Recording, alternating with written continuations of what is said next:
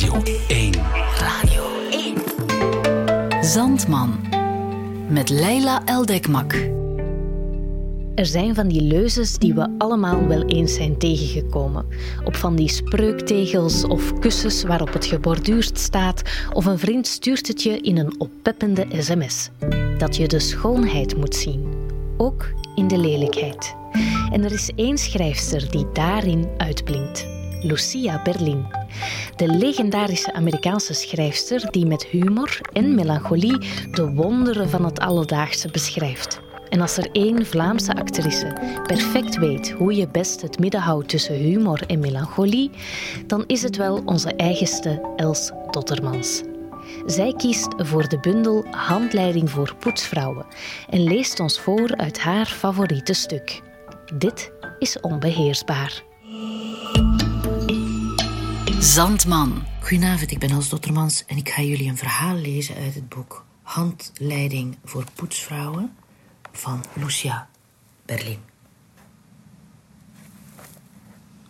Het verhaal heet Onbeheersbaar. In de diepe, donkere nacht van de ziel zijn de slijterijen en kroegen gesloten. Ze voelde onder de matras. De vodkafles was leeg. Ze kwam overeind, stond op. Ze trilde zo hard dat ze op de grond moest gaan zitten. Ze hyperventileerde. Als ze niet snel iets te drinken vond, zou ze in een delirium tremens raken of een toeval krijgen. De truc is dat je je ademhaling en hartslag moet zien te vertragen. Zo kalm blijven als je maar kunt tot je een fles te pakken hebt. Suiker. Thee met suiker. Dat kreeg je in de afkikkliniek. Maar ze tilde zo hard dat ze niet op haar benen kon staan. Ze lag op de vloer en ademde diep door. Zoals bij yoga. Denk niet na, Jezus. Denk niet na over de staat waarin je verkeert, anders ga je dood van schaamte. Een beroerte. Haar ademhaling werd rustiger. Ze begon de titels van de boeken in de boekenkast te lezen. Concentreer je. Lees ze hardop. Edward Abbey, Sherwood Anderson, Jane Austen, Paul Auster. Niets overslaan. Langzaam. Toen ze de complete muur van boeken had gelezen, voelde ze zich beter.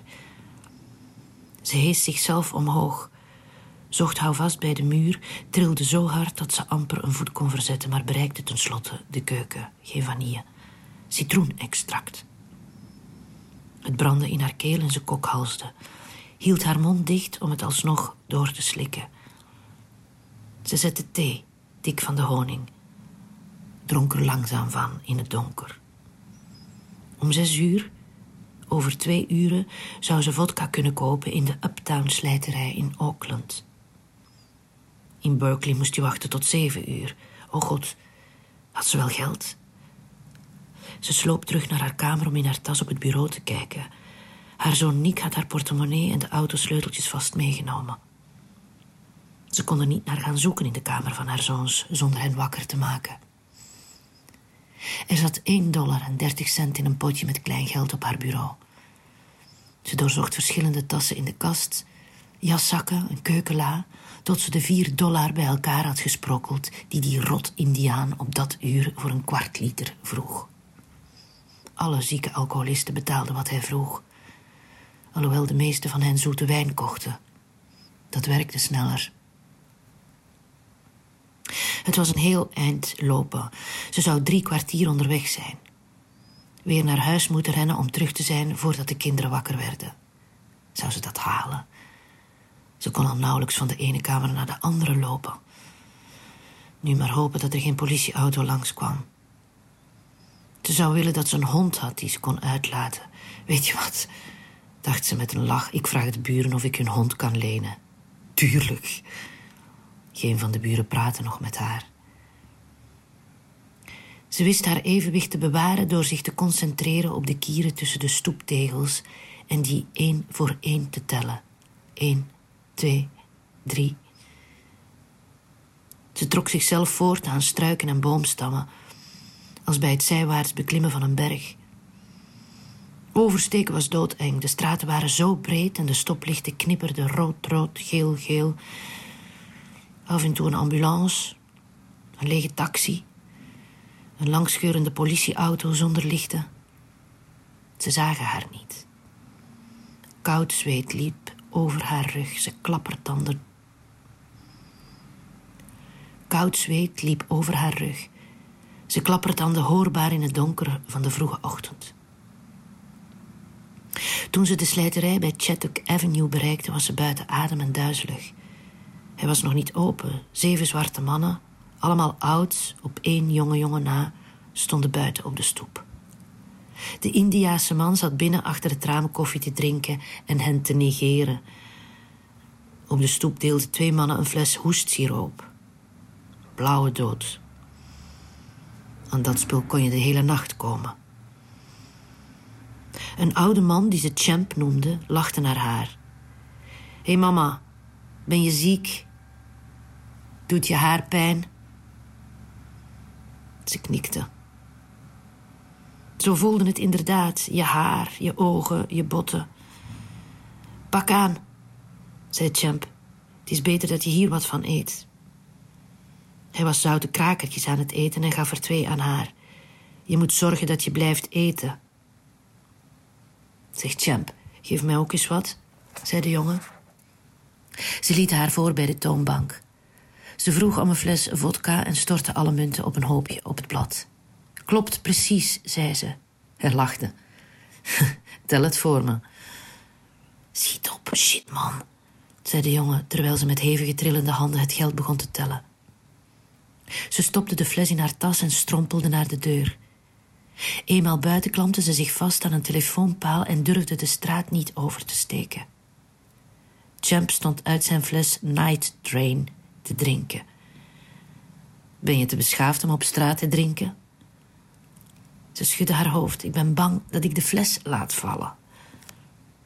Hier, zei hij, doe je mond open. Je moet wat drinken, anders kom je nooit thuis. Hij gooide wat wijn in haar mond. Het stroomde warm door haar heen. Dank je, zei ze. Ze stak snel over, hobbelde zwabberend door de straten naar huis. 90, 91. Ze telde de kieren. Het was nog steeds pikdonker toen ze de voordeur bereikte. Ze hapte naar lucht. Zonder het licht aan te doen, schok ze wat cranberry sap in een glas en vulde het aan met een derde van de vodka. Ze ging aan tafel zitten en dronk het glas langzaam leeg. De troost van de alcohol doorcijpelde haar lichaam. Ze zat te huilen van opluchting dat ze niet was doodgegaan. Ze schonk nog een derde van de vodka en wat sap in, liet tussen de slokjes door haar hoofd op de tafel rusten. Toen ze dat glas had leeggedronken, voelde ze zich beter. Ze ging naar het washok en liet een was draaien. Daarna ging ze met de fles naar de badkamer. Ze douchte, kamde haar haar, trok schone kleren aan. Nog tien minuten. Ze controleerde of de deur wel op slot was, ging op de wc zitten en dronk de vodkafles leeg. Dat laatste restje zorgde er niet alleen voor dat ze zich beter voelde, maar maakte haar enigszins dronken. Ze stopte de was uit de wasmachine in de droger. Ze was bezig sinaasappelsap te maken met bevroren concentraat toen Joël de keuken binnenkwam. Hij wreef in zijn ogen. Geen sokken, geen shirts. Hallo, lieverd. Eet eerst wat havermout. Je kleren zijn wel droog als je klaar bent met ontbijten en douchen. Ze schonk sap voor hem uit en nog een glas voor Nicolaas, die zwijgend in de deuropening stond. Hoe ben je in godsnaam aan drank gekomen? Hij liep rakelings langs haar heen en maakte een bord havermout voor zichzelf. Dertien. En hij was langer dan zij. Mag ik mijn portemonnee mijn sleutels terug? vroeg ze. Je mag je portemonnee hebben. Ik geef je de sleutels wanneer ik zeker weet dat alles goed is met je. Alles is goed met me. Ik ga morgen weer aan het werk. Je kunt er niet mee kappen, ma, zonder hulp. Je kunt er niet mee kappen. Het komt wel goed, Nick. Maak je geen zorgen. Ik heb de hele dag om bij te komen.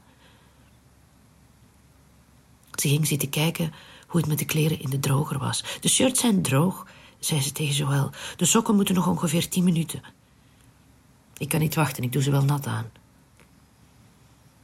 Haar zoons pakten hun boeken en rugzakken, gaven haar een afscheidskus en verlieten het huis. Ze stond bij het raam, zag ze de straat aflopen naar de bushalte.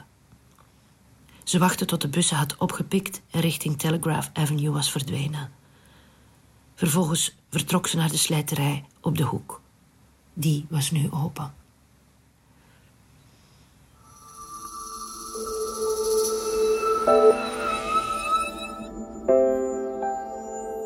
Zandman. De mooiste verhalen voor het slapen gaan. Dit was Onbeheersbaar, een kort verhaal uit de bundel Handleiding voor poetsvrouwen van schrijfster Lucia Berlin en ons heerlijk voorgelezen door Els Tottermans. Deze reeks is een onderdeel van het programma Zandman van Radio 1. Meer info vind je op onze website radio1.be. En in de volgende aflevering is het aan acteur Stefan de Gant. Nu, als je onder de 16 bent, dan stel ik voor dat je de volgende misschien even best aan je voorbij laat gaan.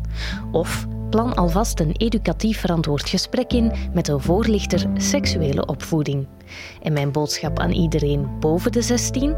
Ik garandeer je dat je met knalrode oortjes gaat achterblijven. Dat is voor de volgende.